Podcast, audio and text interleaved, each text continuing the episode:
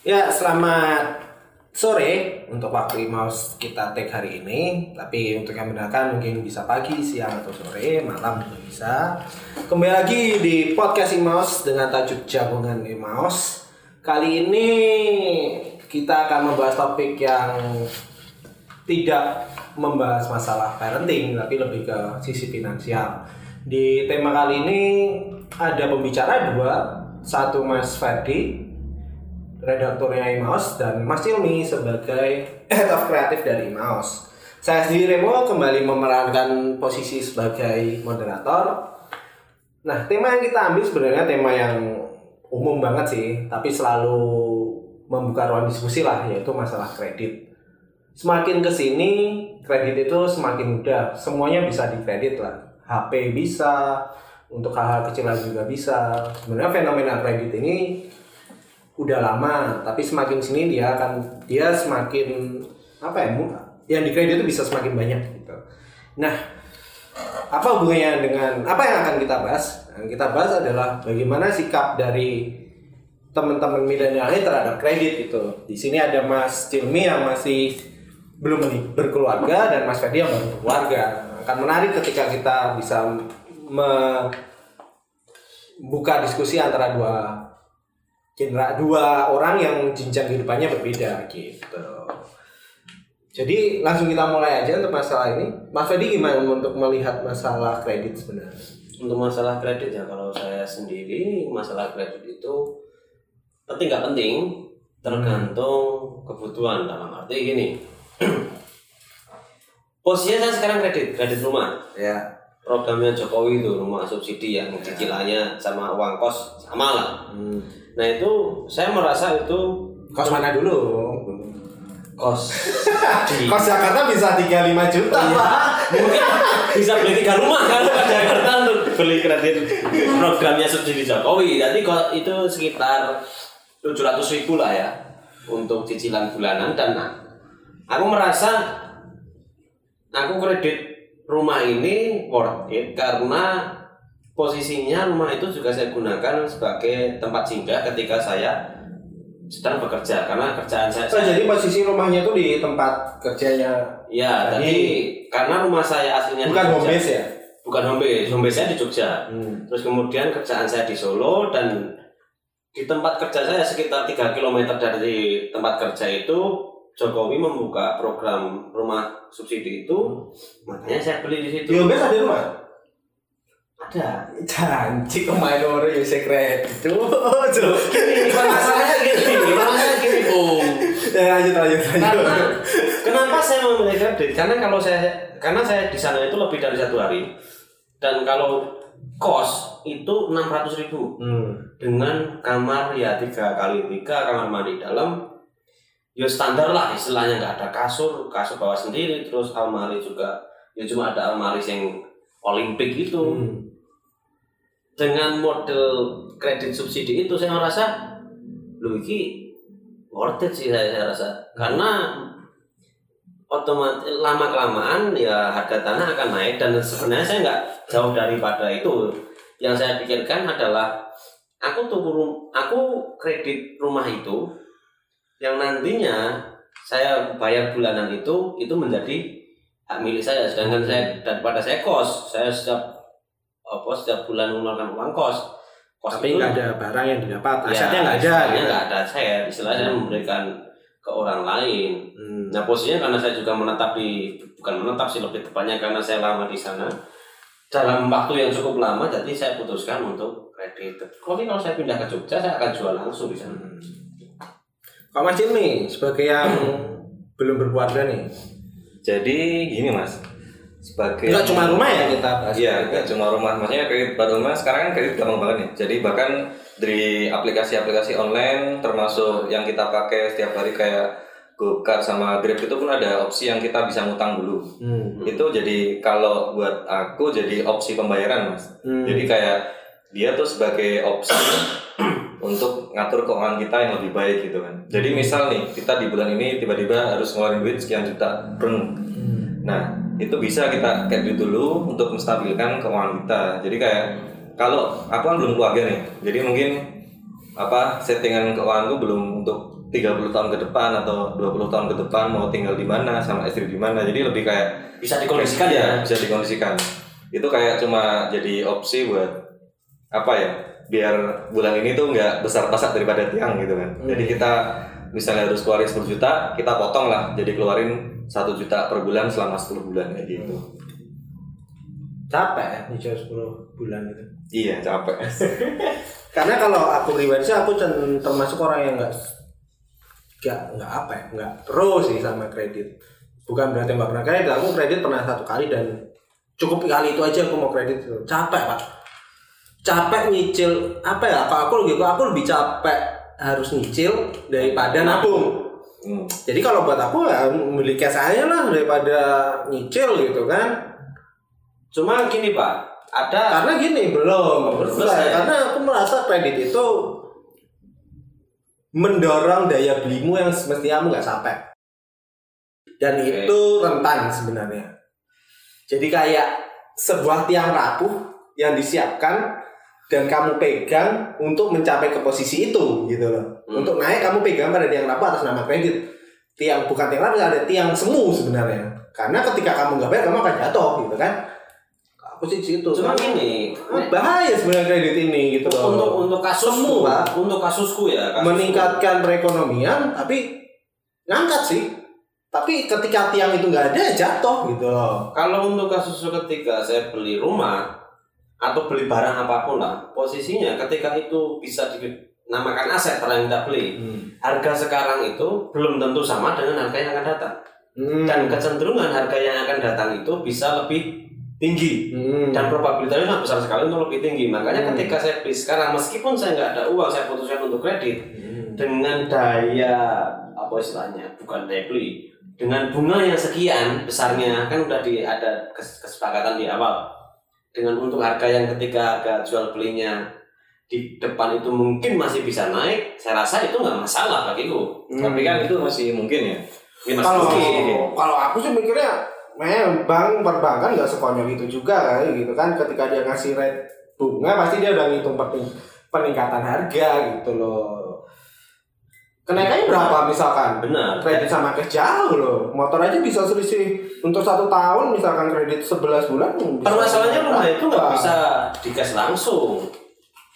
Itu beda kasus. Karena kalau aku mau beli cash bisa kan? Nggak bisa. Karena problem kalau misalkan aku mau beli rumah cash bisa kan? Bisa tapi bukan Iya. rumah di program yang itu gitu ya Hmm, cuma karena itu memang program kredit kan? Iya program kredit. Jadi mau nggak mau ya harus dikredit. Meskipun ada teman saya yang punya banyak uangnya itu udah cukup banyak, nah itu menurutku rugi sih. Dia menggelontorkan uang berapa puluh juta, 70 juta, tapi cicilannya tetap harus kredit kan. Programnya kan skemanya kan tetap harus kredit. Hmm. Dia kredit satu bulan 200 ribu Hmm. untuk nyicil rumah Panjang. selama 15 tahun. 15 tahun ya. Pak 15 tahun Udah, nyicil Pak perawannya bos 15 tahun berarti ada 180 bulan 180 bulan kali 200 ribu Iya. Banyak. Ya, 200 ribu. Kalau saya 700 ribu coy. hmm. Makanya ini saya pusing juga.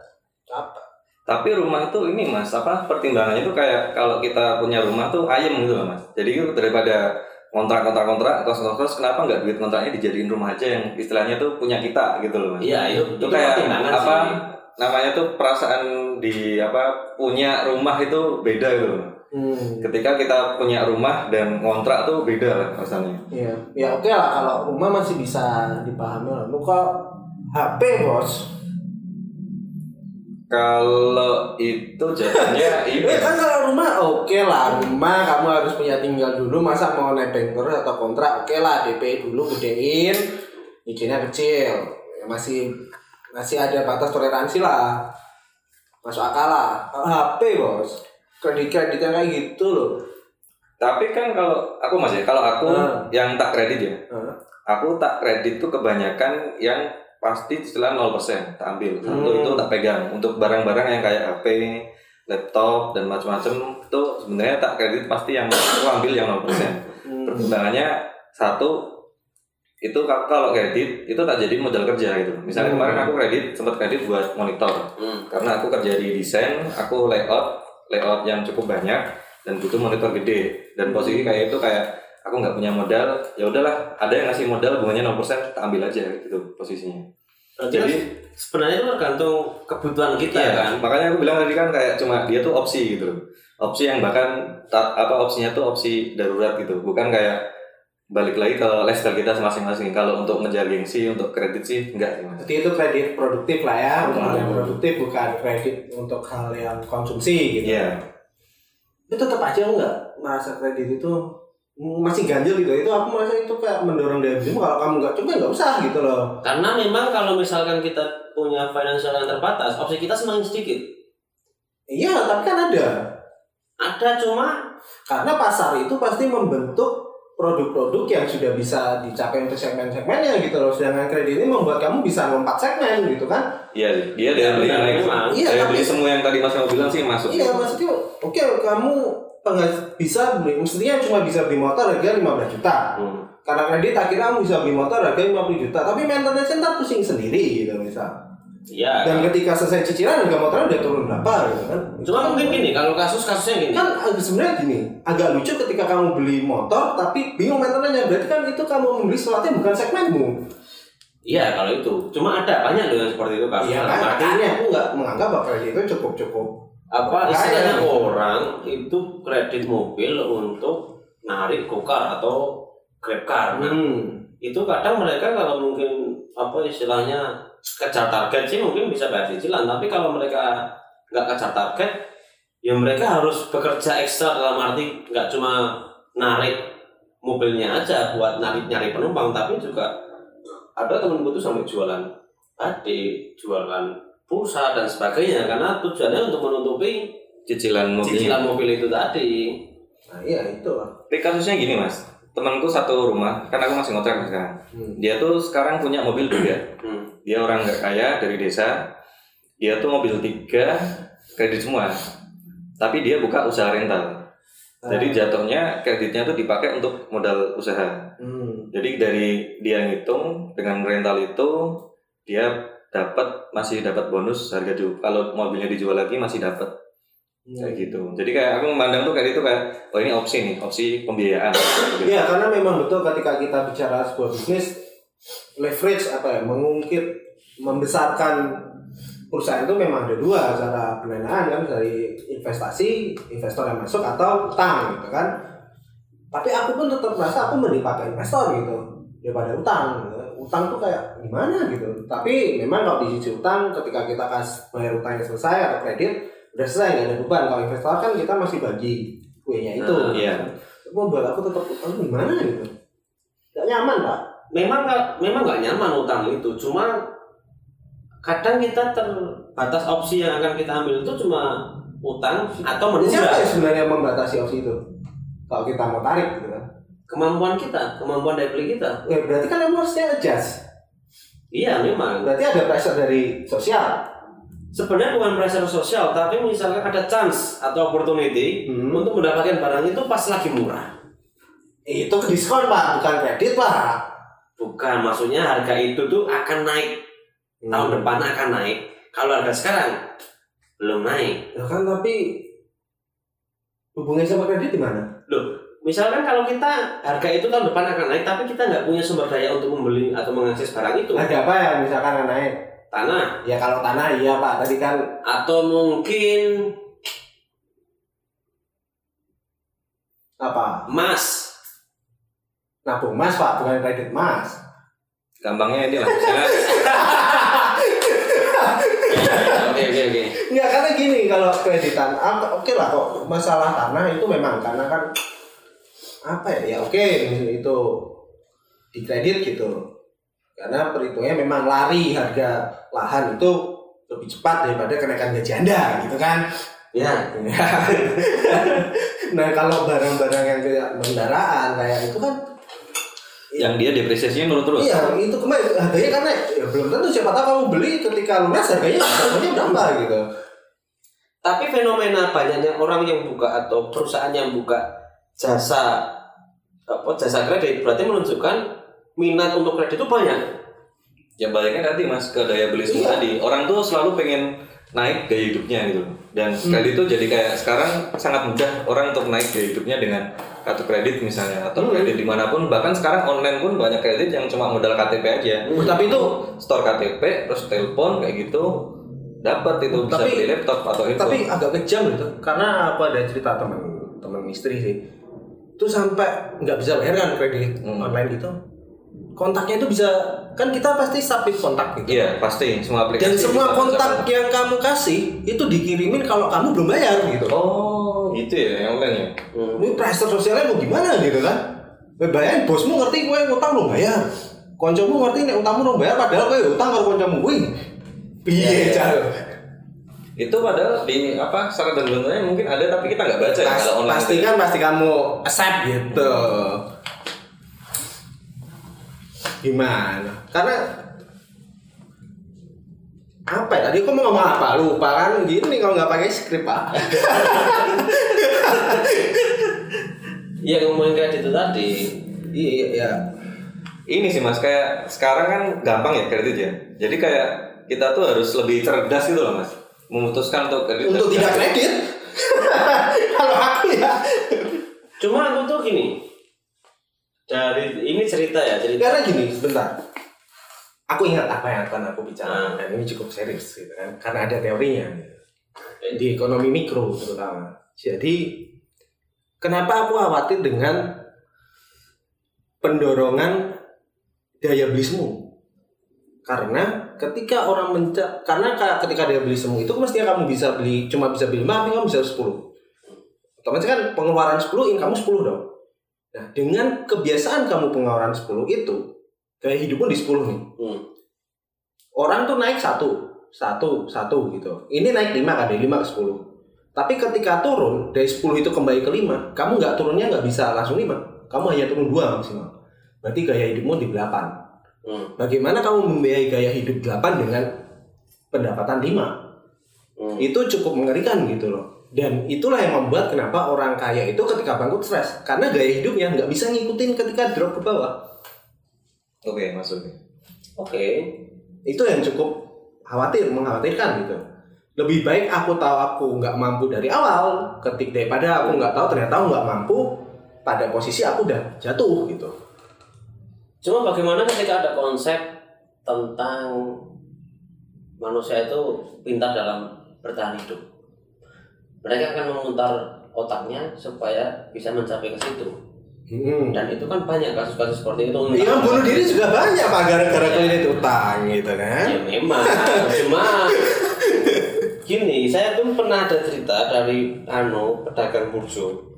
Dia tuh punya kartu kredit 5 ya dan itu diputar. Mm-mm. Jatuh temponya diputar. hmm. Nah tujuannya dia punya 5 itu untuk pengembangan bisnisnya. ya Dan saya sih aku kurang aku nggak tahu ya maksudnya bagaimana skema secara detailnya.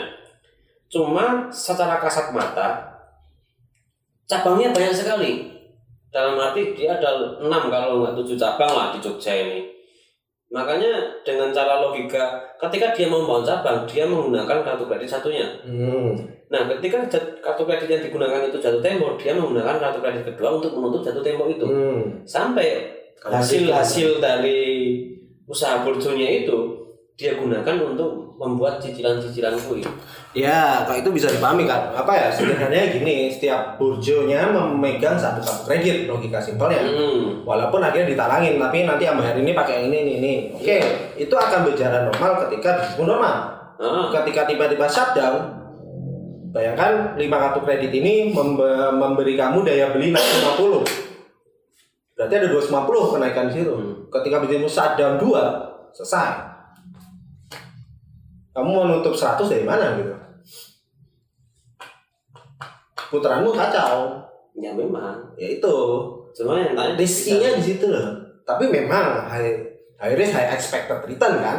Expected ya. Kita ulangi lagi expected return. Return yang kamu ekspektasikan bukan return yang jelas kamu dapatkan untuk high risk high return itu gitu. Sepertinya saya memenangkan perdebatan ini dengan mudah. tapi tetap nggak bisa mas kalau emang ya, ya saya suka spirit spirit seperti ini. Pasti. Anu mas, jadi itu kayak emang opsi ya. Hmm. Kita kan aku wani ngomong nih mungkin kita nggak bisa lah hidup nggak ngutang pasti Hmm. ada saat kita emang di bawah lah nggak bisa kita Ya. misalnya oh kita keuangannya oke terus naik terus kita nggak bisa pasti ada saat kita di bawah dan kita memutuskan untuk nanti utang gitu kan Hmm. dan sekarang kan kredit gampang gitu kan. Misalnya utang sangat mudah gitu loh. Hmm. jadi kalau kasusnya di lain gaya hidup kalau emang kita butuh duit dan ada kredit itu ya diambil aja. Maksudnya kita kan bisa ngitung sekarang. Bunganya berapa kita harus bayar berapa. Misalnya aku nyicil HP HP ya? Ya, monitor dan komputer buat kerja. 10. 10 10 juta dia harganya. Aku nyicil dia 10 bulan. Hmm. pakai bunga 0% Hmm. Sama aja kan aku bayar sejuta per bulan gitu Iya. jadi modal jadi kayak harus pintar-pintar ngitung juga kalau emang mau kredit gitu nggak asal beli bayar itu aja cuma jadi tanggungan doang Berarti ada riset ya, kasarannya bukan riset sih, ada kajian yang dilakukan terlebih dahulu sebelum Hmm. melakukan kredit gitu. Ya paling nggak dia sudah tahu kemampuan finansialnya untuk membayar cicilan itu. Setidaknya kan seperti itu kan. Hmm. Dengan dia mem- mengkredit 10 juta untuk membeli monitor dan sebagainya itu tadi, dari hasil dia pembelian itu dia bisa menghasilkan berapa untuk untuk utang itu bulanan kan. Hmm. Dan itu kan sebenarnya udah kalkulasinya udah presisi ya. Hmm. Ya mungkin kayak tadi kamu bilang ketika itu kalkulasinya presisi atau misalkan usaha kursi tadi ada yang shutdown mungkin bisa chaos dan mungkin yang saya ingin tak tanyakan ada berapa persen sisa nih orang yang kredit itu berdasarkan kebutuhan atau berdasarkan gaya hidup Kalau itu bisa aku jawab cara common apa ya pemahaman yang aku dapat dari perkuliahan sih karena aku di ekonomi karena yang membuat ekonomi jalan itu bukan kebutuhanmu Hmm. tapi keinginan oke terus karena ketika seseorang hanya menuruti kebutuhan ekonomi hanya berputar segitu nggak Jadi nggak nggak berkembang. nggak Iya. ada barang premium oke. Oke oke. Karena kamu hanya berpikir masalah fungsi kan? Nilai Fungsi. guna di situ. Mobil ya pasti orang akan membeli mobil yang paling murah Hmm. ketika dia hanya berpikir itu. Tapi ketika kita bicara keinginan keinginan inilah menjadi ruang bagi produsen untuk menambahkan nilai-nilai fitur-fitur yang bisa meningkatkan harga sebuah benda. Orang nggak lagi melihat fungsinya gitu. Jadi orang beli iPhone ya? Kalau misalnya kebutuhan orang mungkin beli Mito aja udah cukup. Ah betul. Seperti itu. Itu dari sisi tadi apa? Presentase yang kredit yang butuh sama ingin gitu kan. Jadi jelas kalau keinginan Kan- kebanyakan orang konsumsi aja kebanyakan dari keinginan apalagi orang kredit gitu. Kecuali Masalahnya- ketika kita bicara korporasi korporasi akan lebih logis menurutku ketika dia menentukan kredit. Enggak, Karena- maksudku ketika itu ketika kamu ngomong gitu, Hmm. kita kita jalan apa ya elaborasikan lagi keinginan itu seperti apa? Keinginan itu apakah nafsu nah atau keinginan itu berdasarkan experience? Misalkan gini, aku butuh HP sing iso multitasking. hmm. ya Itu nggak bisa. terus kamu akan butuhnya apa? kinerjanya kinerjanya akan lambat misalkan. Ya, akan oke. mencari yang high sedikit yang mungkin Ya. itu sesuai dengan dan nggak perlu iPhone kan nggak perlu iPhone. itu namanya kebutuhan ketika aku beli dengan spek yang sama tapi aku iPhone aku ingin iPhone dan itu juga jang, ke, jangka Daya beli. daya beliku Lah iya, mak- makanya seberapa besar sih orang yang dia itu kredit untuk memenuhi berbagai keinginan yang dia itu lepas dari nilai fungsi nih atau nilai Hmm. gunanya sama orang-orang yang dia itu kredit karena itu sesuai dengan dirinya. ah, aku rasa aku nggak punya data itu sekarang Karena dari apa yang kamu sampaikan Hmm. itu tadi kredit itu nggak sesuai ketika itu memang tidak sesuai dengan kebutuhan atau Hmm. dalam arti itu 100% untuk lifestyle. sekarang gini kebanyakan mahasiswa yang beli laptop komputer aja 10 juta. Kalau pengennya apa? Lebih dari itu kan pasti pengennya lebih dari itu pasti tapi dia membelanjakan sesuai kebutuhannya. Nah iya, makanya dia beli 10 Tapi kan dia kredit juga. dia bisa kredit kan yang sebenarnya lebih dari itu. Nah iya, tapi nyatanya dia kreditnya. karena dia berpikir dia kredit untuk kebutuhan Nah, karena kan- kalau kembali ke situ gitu iya memang. Berarti- kredit harus diseimbangkan dengan daya beli dan penghasilan. Makanya itu kredit itu tadi, apakah kredit itu semuanya? Kan nggak semua. Nggak semua, nggak semua Pasti kan ada persentase dia yang karena kebutuhan atau karena dia yang ingin lifestyle. Ta- ya tapi semakin mudah sebuah kredit itu untuk semua hal akan menjadi katalis untuk orang kredit sesuatu yang dia inginkan gitu Iya memang. Cuma gini kasusnya. Ketika banyaknya orang yang atau banyaknya perusahaan yang membuka jasa kredit, Hmm. apakah itu tidak mengindikasi- mengindikasikan bahwa orang-orang yang kredit itu mampu membayar kreditnya? Asumsinya ya, Berarti gak ada masalah dong dengan orang yang kredit. secara makro nggak? Lalu kenapa? Tadi kok seakan-akan kredit itu salah. Nggak ada yang salah kok kontra aja. Oh ya, kenapa seakan-akan kontra dengan kredit padahal Karena itu tadi masalah? mendorong daya belimu semu. Kamu ingat masalah apa ya film yang Amerika itu? Yang masalah mortgage, Oh iya, anu, the big shot. the big shop itu kan sama, gambling. Iya, Ketika sebuah sistem pembiayaan itu runtuh gitu, apa yang jadi dampaknya gitu? Kreditnya nggak jalan, kredit macet itu signifikan loh untuk sebuah nggak akhirnya yang nggak kredit pun kena gitu loh gitu. iya sih. Cuma gini, bisa nggak sih itu ketika apa dari pola dia mengkredit memunculkan behavior dia work hard dalam arti untuk mendapatkan lebih. Ibuku melakukan itu. Ketika dia sudah kreditnya selesai, otomatis work hardnya kan tetap menjadi culture-nya dia kan. Ibuku kayak gitu dulu ketika membangun perekonomian keluarga. Jadi dia mending ngutang uang, ngutangnya uang ya, Hmm. pinjam uang di bank, kemudian nyicil. Karena ketika dia berpikir kalau aku nggak ngutang, aku nggak akan punya uang 50 juta. Heeh. Kemudian aku pinjam ke bank 50 juta untuk bisa nyicil. Nah, otomatis Kemudian 50 juta yang kembalikan dalam bentuk cicilan gitu.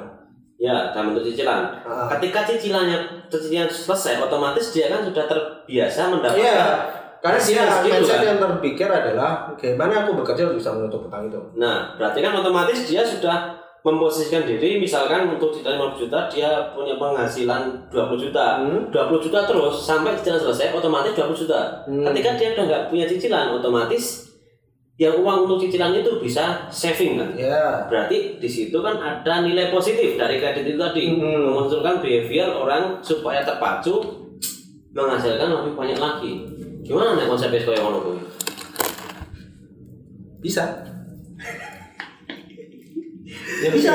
Berarti nggak anu kan? Berarti sesuatu kredit itu nggak nggak menjadi sebuah permasalahan yang pelik. Paling kalau kamu nggak bisa bayar.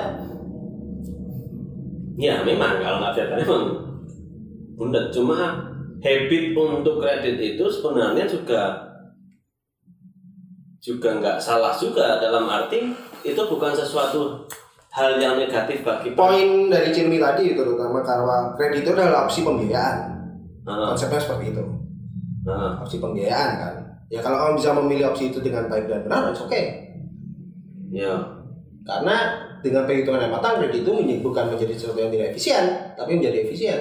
Yang masalahnya adalah semakin banyak kredit itu muncul, semakin banyak kredit tidak efisien. Hmm. Kita nggak bisa lihat untuk orang seperti kita, eh bukan seperti kita, orang yang perekonomian cukup stabil. Hmm. Ketika kita tarik ke bawah, banyak sekali orang-orang yang kredit sesuatu barang cukup tinggi gitu loh Ya. untuk mengikuti gaya hidup dia gitu kan dan memang siklus di bawah ini yang lebih apa ya kayak siklus liar apa siklus yang lingkaran setan lah orang itu berputar di utang Tapi- utang utang gitu. apa perusahaan penyedia jasa kredit itu berani menggelontorkan uang kreditan kepada mereka yang secara Jadi, finansial langsung? karena gini bunganya itu besar jadi ketika berapa bulan kamu nggak bayar itu oke mereka udah untung kok. Gede banget loh. Jadi gini mas, cicilan yang online itu gede banget bunganya bos. Bukan maksudnya cicilan online? Yang tadi Cilmi bilang cuma KTP Iya, Oh, tapi itu ah. bunganya gede banget. Emang Iya, gede banget. gede banget Sekarang tuh ini loh mas, yang aku rasa butuh tuh kita tuh di sekolah tuh nggak diajarin gimana ngelola utang kita gitu. Jadi itu kayaknya aku pengen, jadi itu orang kuliah atau SMA dia tahu lah kalau kowe ngutang neng bank, jadi resikonya kayak gini, dampaknya kayak gini. Orang tuh nggak tahu. itu menarik gue itu kamu tinggal baca ikuti email saja selesai kok iya makanya kita hadir maksudnya sejauh ini kan dalam, dalam perkuliahan kan yang dikelola kan adalah untung terus ya Hmm. tapi jarang se- se- sebuah materi pembelajaran itu bagaimana memanajemen utang yang baik ya itulah eh, apa ya kalau kita kembali yang ngomongin utang itu pasti kan ekonomi ya ekonomi kan sebenarnya cost dan momos kalau terminologinya adalah pengelolaan kesejahteraan rumah tangga. Hmm. Kan rumah tangga, Bos. Bagaimana sebuah rumah tangga bisa mencapai kesejahteraannya gitu. Tapi ya, memang betul tidak pernah ada mata kuliah membahas masalah perekonomian keluarga. Hmm. Padahal konsumsi paling besar adalah konsumsi rumah tangga gitu kan. Kalau aku di ekonomi ada diajari untuk utang itu untuk lingkup korporat. Ya. Kalau di korporat utang ya luar biasa hitungannya gitu kan. Nah, ketika akhirnya kamu membandingkan aku akhirnya ngambil itu ya ada banyak metode gitu. Bisa bandingin pakai apa metode-metode lain, metode banyak ya, R lah, MVP lah. Enggak cuma bagaimana apakah dipelajari Mas di dalam Mestinya bisa itu diimplementasikan ke keluarga. bukan di keluarga atau korporatnya tapi bagaimana kita manajemen utang. Bisa ada pelajarannya. Oh no, manajemen utang. Mata kuliah debt, eh bukan mata kuliah, ma sesi kuliah debt doang itu ada Oh. Tapi itu untuk korporat. untuk ya? corporate. Karena korporat opsinya otomatis berbeda dengan keluarga kan. Iya beda. Tapi sebenarnya kalau dipikir secara regional kan perilaku konsumsi gitu, perilaku ekonomi akan sama sebenarnya. Nah, berlakunya akan sama, cuma kan opsinya berbeda. Iya. Mungkin kalau korporat bisa utang itu ya nggak bisa nggak cuma utang, mereka ada investor. Tapi ada yang mana? Iya. keluarga kan nggak- keluarga kan nggak bisa pakai bisa, investor. bisa. Bagaimana bisa Bahkan- kan? Eh? Bang, bang, mau out di Kue lah investor, investor donasi. Bahan mbak aku nganu dite ya mbakmu tuh pernah bakal bos nggak kayak di utangmu ora mungkin kuwi jenenge investasi gue nek wis bati kayak aku aku ngono Kan kita nek misalkan dari keluarga kan kita nggak punya yo nek misalkan orang tua sendirilah, orang tua kayak kita posisi lagi susah, orang tua kayak uang itu kan bukan investasi coy, itu, itu namanya hibah. angel investor itu invisible hand memberikan uang tapi orang iya Cuma kita nggak punya tanggung jawab untuk mengembalikan toh. ya karena kamu nggak ada produk usaha Keluarga tidak ada produk nggak usaha. produk usaha mas Lah iya, terus kenapa mau apa semua sedang investasi? Invest kan sesuatu hal yang Ya, ada returnnya kan? ah Nah itu returnnya apa sih mbah? Memang returnnya apa mbah? Nggak ada return. iya benar juga sih Lalu kalau returnnya sih iya karena ya kecuali keluargamu berproduksi sih Lah itu untuk, keluarga tadi home production Iya, itu tadi benar-benar. UMKM. Karena opsi dalam keluarga itu sangat terbatas cuma ada utang atau jalur duit yang keluarga. hmm Nah utang otomatis kita harus bayar yang jalur duit. Ono sing belum kayak duit. hmm ono Ya ono, cukup lah sing kayak Nah, duit lah gue. Bo. Permasalahannya kan gue cukup atau enggaknya. iya sih ya dari situ Imawas ID harusnya hadir Tapi menarik sih benar juga kita tidak pernah ada pelajaran masalah utang karena sebenarnya ketika kamu bisa mengelola utang dengan baik jalan kok. Iya. Kamu bisa punya aset gitu. Dan dibalik lagi, kamu jangan minder sama orang yang asetnya banyak. Karena kalau di sisi keuangan aset ada utang. Dan Pasti ya. cuma sisi aset gitu. Kamu lihat sisi utangnya dong. Pasti. Dan orang nggak akan buka sisi utang kok. Itu pasti. Iya kan? Misalkan kalau asetnya Zuckerberg kemarin aku lihat dia punya 16 billion US dollar. Hmm. Dia utangnya berapa? Gak tahu. Tapi pasti ada. Ada lah pasti. Kenapa nggak pernah diekspos? Kenapa adanya cuma wealthiest person in the world versi the economist Rano apa version. Debes apa ngono lah Karena selama asetmu itu lebih besar dari utang itu nggak menyebabkan masalah. kenapa nggak dibagi dulu misalkan antara Zuckerberg Pak juga bagi duit Facebook Pak evaluasi Facebook piro Pak nek dia dulu ya rampung. Makanya dia nggak jadi masalah sama kayak negara ngeluarin surat utang negara. Ngopo tok tuku kuwi aman mergo negara hitungane ra mungkin bangkrut kan ngono. Yunani bangkrut Iya kan kasusnya satu banding berapa Pak? Walaupun bangkrut kan tetap ada itu negara, nggak mungkin hilang. Utangnya tetap ada yang nanggung kan? itu modelnya juga apakah utang maksudnya apa ya ada yang investasi investor masuk Ini apa nih? kasus Yunani negara Waduh itu. panjang banget itu. ya udah nggak bisa tanya lagi lain kali mungkin ya teman-teman mas ya itu nggak masuk keluarga itu udah beda. berarti kredit yang nggak oke yang nggak hidup ya tapi kadang nggak hidup itu jadi kebutuhan loh mas di beberapa tempat Ya kayak orang kerja di bank. iya ya itu orang kerja di bank itu gila saya pikir masih temenku Enggak mendiskreditkan orang bank, tapi memang Iya. kan culture kerjanya seperti itu. masih temenku tuh lifestyle-nya luar biasa mahal meskipun gajinya juga gede Hmm. cuma akhirnya jadi zero juga Tapi bisa dipahami kan? Ya mosok wong bank tapi dari rame yakin kan ya mosok sing tak utangi soal nganu kaya apa ya males Loh. Kan orang utangan ada kan CS pak orang orang akuntan aja nyemburi Ya iya akuntan yo pakaiannya necis necis ngono kuwi Tapi kan apa pun opsinya pembiayaan investor dan kredit sekali apa kan kali kredit ya. Investor kan kata Mas Rimo tadi mending investor lah daripada kredit. Tetap sama aja Mas kalau investor kita nggak bisa bayar juga jatuhnya sama aja. Karena investor kita bagi risiko. Hmm. Tapi kan ada resikonya, tetap ada. Ada risiko, makanya investor kan keuntungannya kita tidak hanya membagi kue tapi membagi risiko. Oke. hmm. Salah satunya itu. Jadi sebenarnya gini kalau perusahaan punya proyek yang jelas menguntungkan dia nggak akan invest cari investor. Dia akan cari utang. Karena ngapain aku bagi gue yang enak. oh Oke. Tapi untuk sesuatu yang masih abu-abu masih abu-abu, dia akan cari investor gitu. Oke. Investor kan investor itu sebenarnya kalau mau di itu agak gambling juga sebenarnya. Tapi dia punya kekuatan untuk menekan perusahaan itu untuk perform gitu. Enggak investasinya stop gitu kan. Investor dapat uang dari mana ya utang juga bisa jadi gitu kan. Jatuhnya lingkaran itu. ya? Iya. Emang yang penasaran kalau agak panjang nggak apa-apa ya, agak panjang dikit. Kalau Mas kan ilmu budaya kan. Kalau Jawa dulu memang ada budaya untuk utang. gitu. utang Ekonomi Jawa. tetap ada utang Berarti utang itu sebenarnya udah dari zaman dulu. iya ya Bentuknya Ya. kayak gimana misalkan? bentuknya misalkan kan banyak ya misalkan kayak mau apa senengnya mau beli hewan ternak untuk ternak itu kan nggak punya uang kan kalau mereka cuma buruh Hmm. ya mereka utang kalau juragane nanti Hmm. misalkan Ganti gantinya yo apa? entah itu upah upahnya dipotong atau hasil ternaknya nanti sebagian dikasihkan yang beli itu atau mungkin anaknya Tapi ada bunganya nggak zaman itu? Kayaknya nggak ada kan? Cicilan berarti itu ya? bunganya kalau bunga saya saya- aku belum tahu ya bunganya seperti apa tapi aku menar apa ya saya punya teman itu futuristik Gimana tuh? dia itu kalau dikas apa dipinjemin uang dia nggak mau dia akan menjemi emas berapa gram nanti balikin sama Hmm. Dan itu berlaku kemarin ada satu teman pinjam ke dia uang 2 juta itu cuma dikasih 4 gram Hmm. wis tak kasih 4 gram besok nggak wis duit tak balikin 4 gram dan Hmm. bukan dalam bentuk uang Hmm. nah itu mungkin lebih fair di situ ya dalam arti nggak ada bunga kalau untuk kasus-kasus pertemanan tapi Itu kalau dat- datanya nabung emas dia.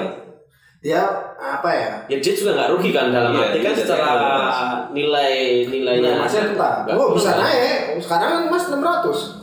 tapi kan juga kadang turun meskipun Iya. probabilitasnya rendah Dia tuh ngasih bunga tapi terselubung dia. Iya. Ceritanya. Enggak, enggak, enggak, enggak, enggak itu dia menjaga nilai emasnya di 4 gram. Nah, Cuma itu menarik loh dar- daripada kadang kalau kita meminjamkan uang 2 juta dan dia mengembalikannya itu dalam tempo yang tidak pasti, kadang kan kita yang bisa rugi yang memberikan utang. Iya.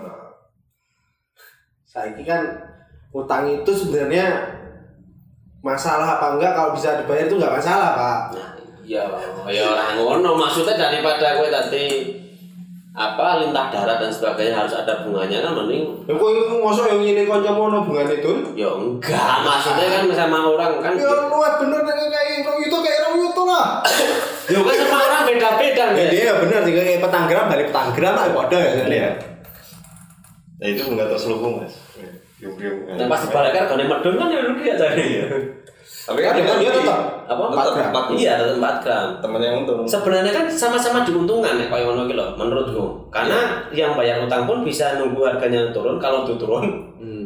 kalau enggak ya dia naik. Tapi cenderung naik emas soalnya. Iya, memang cenderung naik. Ya itu salah satu inspirasi buat teman-teman ketika ingin ada koleganya yang meminjam pinjamin Mas aja. Oh iya. Mas Ferdi apa Mas Cilmi gitu. Eh, kayaknya segitu dulu aja ya Pak. Ya, jadi kesimpulannya gimana? Kesimpulannya adalah kalau dari aku tetap trik itu nggak bagus. Enggak sih ketika kita ada di diskusi ini kesimpulannya adalah kredit merupakan sebuah opsi pembiayaan. Hmm. Sebuah pembiayaan akan efektif ketika yang biaya itu produktif. Sehingga utangmu itu bisa menghasilkan punya multiple effect lah kepada kegiatan ekonomimu. Karena konsep ekonomi adalah pengorbanan seminimal mungkin untuk hasil semaksimal mungkin gitu kan. Jadi pengorbanan jangan maksimal gitu. Nanti kamu udah berkorban maksimal hasilnya nggak ada ngapain gitu kan. Nah, Ya. Itu sebenarnya perlu ditekankan lagi gitu. Jadi utang apa enggak, utang itu bagus apa enggak, tergantung kamu kebijaksanaanmu ngambil utang itu gimana. Kayak gitu. Udah sekian dulu teman-teman Imaus semoga banyak yang bisa didapatkan dari obrolan ini. Terima kasih dan sampai jumpa di jagungan Imaus berikutnya.